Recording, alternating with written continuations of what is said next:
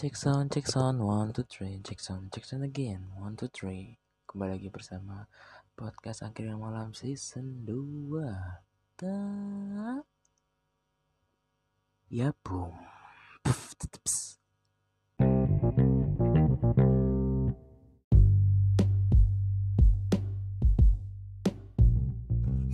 Oke, kali ini ya uh, gimana kabar kalian semua? Semoga berbaik-baik aja. Bagi yang lagi jalan raya, stay calm. Bagi yang lagi ngerjain tugas, stay easy. Bagi yang denger ini kadang sakit hati, don't worry. Your girlfriend or boyfriend is coming back, but maybe some mm, another days or another months to be back for you jadi ya stay calm bagi yang lagi kedapatan menjadi kabit tetap santai. Bagi yang lagi sakit apa ya bahasanya sakit semoga cepat sembuh. Dan bagi teman-teman para pendengar anggaran malam tetap setia ya. Meskipun entah kenapa gue ngeliat di aplikasi Anchor Aing itu kayak kok cuma tiga penonton atau berapa atau berapa tapi ya semoga aja lebih dari itu. Semoga ya apa ya rame lah. Oke kali ini uh, gue pengen diskusi aja sih diskusi, uh, apa ya ya ngobrol dengan diri sendiri sih sembari ngobrol sama kalian gitulah yang ngasih itu karena ya udah lama banget gitu loh gue terakhir ngebuat episode kemarin tentang ya caranya orang Tionghoa bisa bertahan pada saat dia kesepi pelanggan meskipun ternyata hampir mau bangkrut tapi tetap tetap saja dia bisa uh, bertahan kayak gitu sekarang gue ngebahas tentang love again. Love love love love, love. So, another fucking way another fucking star just waiting to say love. Love. Oke okay. ya yeah, love. Sebenarnya gue agak sedikit kesel sih kalau ngebahas tentang love sumpah. Karena bukannya apa? Karena misalnya gue pernah ngangkat love tapi ujungnya malah jadi ya rame tapi agak sedikit hambar gitu. Karena ngomong tentang love again love again, love again. Tapi ya karena gue pengen bahas ya kan. Karena juga belum ada ya bahasanya apa ya? Ya memancing. Semoga bisa di yuk yang mau bahas apa atau apa ya gitu. Dan lagi saya gue pengen apa ini ya, tentang apa tentang ini loh apa yang uh, pengguna matematika di dunia kita sehari-hari loh. Meskipun ya mungkin kalian sudah pernah tahu lah guna matematika atau apa tapi apa. Tapi gue nggak mau bahas itu karena itu ada di pembahasan lain di episode gue kenapa gue belum up karena kekurangan materi jadi gue belum berani nge-up oke okay. so today yeah, sorry tonight we are going to discuss about um, love again oke okay. so kita masuk ke dalam sesi 2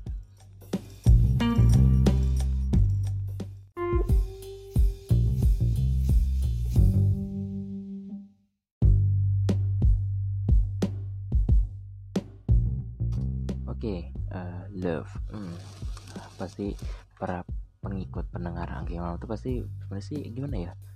Agak sedikit rada bosen karena ngebahas tentang cinta karena kan persepsi orang tentang cinta itu masih berbeda-beda dong ada yang cinta karena nafsu ada cinta karena harta ada cinta karena uh, apa bahasanya ilmu dan lain-lain nah tapi gue ngebahas gue pengen bahas mencoba ngebahas malam ini untuk keseluruhan dari harta, nafsu, cinta benar cinta, dan agama dan kehidupan ini. Oke, kita bahas oke ya nafsu boleh sama. Oke, so cinta nafsu. Jadi cinta nafsu itu adalah cinta yang di mana lu menyukai sesuatu yang lu diniatin dari hasrat nafsu lu.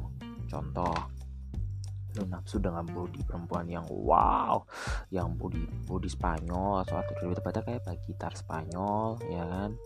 Atau enggak kayak ngeliatin kayak dadanya besar boobsnya besar pantatnya besar atau apa pun itu itu benar-benar adalah cinta hawa nafsu kawanku. Ditambah lagi cinta hawa nafsu ini ya didefinisikan dengan kayak misalnya kalau misalnya ketemu pacar ya lu maunya tuh kentu udah that's it. Kalau nggak kentu apa? Grepe that's it atau enggak selain itu ya apa gitu. Tapi di sisi lain ada beberapa orang yang apa ya keluar dari zona cinta nafsu ini diimplementasikan. Tapi gue belum bahas itu dulu. Tapi gue hanya bahas secara ruang lingkup cinta nafsu. Nah itu satu. Nah kalau cinta nafsu ini juga dikategorikan itu tingkatnya itu tingkat yang kalau misalkan di dalam hubungan tuh ya parah. Karena ya siapa sih yang mau cinta tuh dibawa dengan hawa nafsu? Kecuali kalau selalu nikah lo mau uh, uh, uh, uh, ya silakan gitu. It doesn't matter tidak ada masalah gitu. No problem gitu. Tidak ada eh, tidak ada masalah sih relax saja gitu. Kalau nikah ya sat sat sat sat just just just mana pun juga boleh. Tapi ya tahu etika aja tahu adab. Nah gitu. Nah dalam kasus yang tadi gue bilang di awal itu cara pengatas apa ya penanganannya dari cinta nafsu pun uh, cukup rumit dikarenakan ya apa bahasanya ya sulit lah untuk bisa kayak sesuatu hal yang lu mau tapi dibawa dengan hawa nafsu tuh ya cara pengelarian itu pun dengan cara lu nahan nafsu itu contoh si A si B ketemu tapi si A menahan nafsu dengan kayak jalan jalan biasa aja. Tapi pasti ada sisi lain sisi lain tuh adalah kayak sisi pengen yang ada habit yang biasanya kayak gitu-gitu tiba-tiba hilang. Nah itu adalah itu adalah salah satu lawan hawa nafsu. Nanti misalkan bisa mengalahkan hawa nafsu itu lu bisa masuk ke dalam fase mencintai secara seutuhnya. Nah itu nanti kita bahas nanti. Oke lanjut ke cinta harta. Nah cinta harta ini cukup identik dengan uh, kekayaan harta dan lain-lain. Oh ya sorry gue flashback dulu apa? Gue balik dulu ke cinta hawa nafsu. Nah cinta hawa nafsu ini tuh kayak apa bahasanya ya? Lu kayak lu ngejar si A. Contoh gini deh si A si B ya kan? Si C. Nah si A ini ngejar si B nah si C ini ngejar si ngejar gitu. Jadi ya karena si ininya tuh bodinya kayak gitar Spanyol dadanya besar itunya gede mukanya udah kayak setingkat uh, Selena Gomez nah itu wah itu berat tuh berat banget. Nah itu kejar tuh kejar kejar kejar kejar kejar sampai akhirnya pada saat di fase kayak dapet udah kan tuh. Tapi kalau misalkan dapat apa ya ini, ini dapatkan iyalah adalah ya kok apa sih iyalah adalah maksudnya adalah kok maksudnya adalah. Ah udah udah udah, udah. maksudnya tuh kayak lu akan menghilangkan kayak ada rasa sakit hati loh. Maksudnya kayak lu muncul kata sakit hati di dalam hati. Karena lu ngincar seorang dengan hawa nafsu pasti ujung sakit hati. Tapi sakit hatinya pun tidak separah orang yang diputusin pada saat disayang sayangi oh shit man. Oh my god. Oke okay, next. Oke lanjut lagi dalam cinta kekayaan ya. Tuh cinta kekayaan ini itu kayak tadi gue bilang kayak apa sih nama itu? Kepada harta. Contoh si A punya punya gaji 10 juta tapi karena dia cinta dengan kekayaan dia dia mengambil dengan senak senak jidat nah itulah bentuk cinta yang menyalahgunakan. Ya maksudnya kayak dampak negatif dari komisan cinta ya, kepada kekayaan. Ditambah lagi orang yang cinta kepada kaya kekayaan tuh manifestasinya adalah ya lu mata duitan dan juga ya lu mentuankan itu adalah profit that's it gitu. Tidak ada apa-apa lagi ya gitu doang. Kalau misalkan dari segi cinta dengan kekayaan nah, nah ini banyak contohnya banyak banget. Contoh deh si Xi Jinping. Nah Xi Jinping itu dibilang the pro, apa God is like a profit ya emang iya gitu. Karena lu pikir aja coba. Lu pikir itu tuh pelabuhan yang ada di Eropa itu dihak milikin sama Cina. Dikarenakan apa tidak mampu ngebayar utang dari gue lupa tuh sorry Yunani. Yunani waktu kan gue pernah baca waktu itu katanya Yunani itu tidak mampu ngebayar utang kepada Cina. Ini mana apa? Ini mana? Pelabuhan yang ada di Uni Eropa sorry yang ada di Eropa itu jatuh ke tangan Cina. Nah dampaknya apa? Dampaknya adalah satu ngebuat memotong suatu ekon apa ya apa ya yang bilang mengurangi jalur perdagangan yang ada di Eropa pasti iya. Tapi di sana adalah memunculkan bahwa ada namanya apa sih namanya itu? Hegemoni. Hegemoni apa? Hegemoni perekonomian yang ada di, yang dibawa oleh Cina ke ranah ranah Eropa. Jika lo misalkan Eropa itu tidak suka bisa-bisa itu tuh PBB bisa turun tangan. Tapi gue sih belum belum belum nemu ya kayak reaksi atau apa dari gue baca artikel belum ada.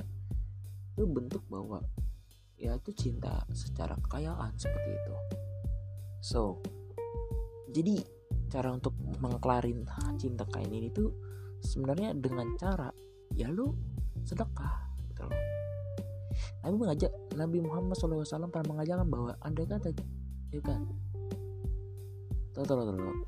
Gue takut salah hadisnya. Bentar bentar bentar kita break dulu bentar ya. Break dulu. Gue mencari hadisnya dulu bentar.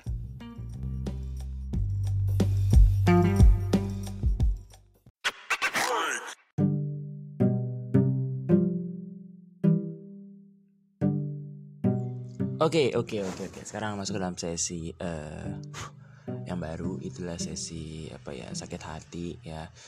Tadi kan gue kan coba iseng-iseng kan gitu buka DMG tiba-tiba datang satu DMG bilangnya bang buat sesi tentang sakit hati bang buset. Eh oke sekarang kita kita bagi part per part di dalam sesi ini ya. Sesi pertama gue bahas tentang dampak dari sakit hatinya dulu. Masih gampang sih dampaknya. Dampaknya adalah kita akan gak nafsu, gak termotivasi, tidak apa ya, tidak tidak semangat sama aja tidak termotivasi sama semangat. Tapi intinya dua hal ini itu kalau misalkan di dalam di dalam satu kehidupan itu akan apa ya memiliki efek gitu loh. Eh kayak efek sampling gitu ya begitu. Habis itu lo nggak nggak punya impian lagi seperti patah, seperti ini, seperti itu, ya kan. Habis itu sakit apa ya sakit hati itu lu ngebuat kayak dunia ini ya like hambar gitu jasa hambar gitu hambar banget gitu. Kayak kurang gitu ini kayak kayak kayak dunia itu kurang gitu. Habis itu lu merasa tidak happy ya kan? Ditambah dengan kalau sakit hati itu rasanya kayak pengen ya udahlah gue pengen kelarin aja lah gitu. Rasanya gitu lah ini buat kaula kaula muda. Seperti itu pasti sasarnya ya gitu. Habis itu eh uh, lagi ya sakit hati itu? Gue gue jelasin pasti sulit dijelaskan karena itu tuh harus belum dirasakan gitu. Tapi uh, ciri-ciri dari orang yang gampang sakit hati itu pasti yang pertama efek diputusin. Yang kedua efek ditolak. Yang ketiga efek karena apa ya? Ya cinta bertepuk sebelah tangan. Yang keempat cintanya dibilang kakak adean. Yang kelima perjuangan sia-sia yang keenam dan ketujuh udah kelapa masih banyak lagi. Banyak banget masalah karena menurut filos apa ya filsuf juga apa ya ngejelasin cinta tuh juga panjang gitu panjang banget. Tapi kalau misalnya kita di di, di apa di coba di combine dengan filosofi teras ya kita harus bisa meng apa ya uh, dikotomi kendali gitu loh kita bisa mengatur itu dengan cara apa? Contoh kita sakit hati. Apakah kita harus sakit hati terus? Tidak gitu loh. Tapi kita harus dengan cara apa? Kita bisa mengalihkan pikiran itu ke arah yang lebih baik. Kalau misalkan masih dasar basicnya adalah lu main game ya kan? Lu main game lu bisa having fun sama teman-teman lu lu bisa chill lu bisa buat podcast lu bisa buat nyanyi lu bisa buku bla bla bla banget. Mediumnya adalah lu bisa buat project. Project yang paling penting yang terakhir adalah lu sibuk banget. Itu bisa melupakan hal tersebut dari sakit hati. Beuh, dijamin bisa. Gue udah bisa step by step dari yang basic, medium, expert. Gue udah bisa semua. Dan alhamdulillah, ya sekarang hidup gue ya udah fleksibel aja sekarang ngalir aja gitu ngalir udah, udah kayak apa ya udah kayak sungai gitu loh ngalir aja intinya selama air itu berjalan ke mana pun dia menuju gue mengikuti dulu supaya apa sembari gue mempelajari sekitar gua apa yang kurang di dalam arus ombak sungai eh sorry arus sungai tersebut gue coba gue coba tambahkan tetapi sesuai dengan kebutuhannya kayak gitu. Misalkan kebutuhannya butuhnya apa? Ikan tambahin ikan. Misalkan butuhnya namanya tambah air tambah air. Misalkan butuhnya batu tambahin batu supaya apa? Supaya ada rintangannya kayak gitu. Ditambah lagi dengan jatuh cinta itu bisa being bad bisa being good. Being bad tadi merasa kayak putus asa dan lain tapi kalau being goodnya lu bisa menemukan hal baru hal momen hal sejarah. Every single moment every single time you can get it. Lu, lu, lu bisa dapat sesuatu gitu. Contoh temen gue ini si A. Gue gue sebut gue sebutnya si A. Si A sakit hati karena diputusin. Putusin karena apa? Karena jelek. Berarti di kalau misalnya dia bisa mengendalikan hal tersebut mungkin dia dengan cara apa dia bisa memperganteng dirinya atau mempercantik dirinya atau bisa menaikkan high value-nya ya kan kan banyak tuh gue juga pengen bahas tentang kayak alpha male, sigma male atau alpha female, alpha apa sigma female atau banyak banget tuh. Gue baru dengar ada kata alpha sigma tuh apa? Karena efek gue baru juga lihat di ya apa namanya ya ya di sosmed di IG tentang uh, kalau misalkan kalian tahu tentang film American Psycho. Nah itu kan itu dijelaskan bahwa itu kan sebenarnya kan pengrostingan terhadap pemerintah. Tapi jika kalian paham itu ada namanya unsur alpha male dan sigma female jelas banget. gitu.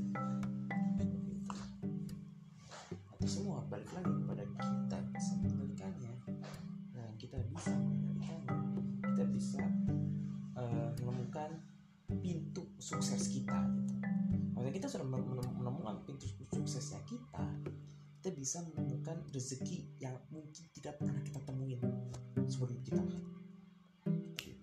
tapi balik lagi kalau misalkan mencari rezeki pasti dengan cara apa? Doa dan usaha. Pastinya gitu itu adalah suatu segitiga apa ya, emas gitu. Kayak tiga sudut emas yang ada di piramida Mesir tentang rezeki gitu. Nah sekarang itu kan tadi kan gue jelasin tentang dampak ciri-ciri dan penyelesaiannya. Nah sehingga kita bisa mengambil kesimpulan bahwa dari pembahasan pertama, pembahasan yang kedua serta yang terakhir ini bisa dikatakan bahwa manusia itu butuh nama itu kasih sayang. Butuh kasih sayang, butuh nama ya cinta. Hawa nafsu pasti ada, pasti ada. Cuman itu semua bisa dikendalikan. Itu namanya apa? Impian atau goals atau uh, apa ya? Fondasi Fondasi dalam sini bisa dikatakan seperti kayak buku atau ilmu. Ah, sorry, lebih tepatnya ilmu. Ilmu kalau misalnya sudah dijadikan fondasi, sorry, kalau misalkan ilmu dijadikan fondasi, itu bisa menjadi tangga atau gedung kesuksesan lu, gitu loh.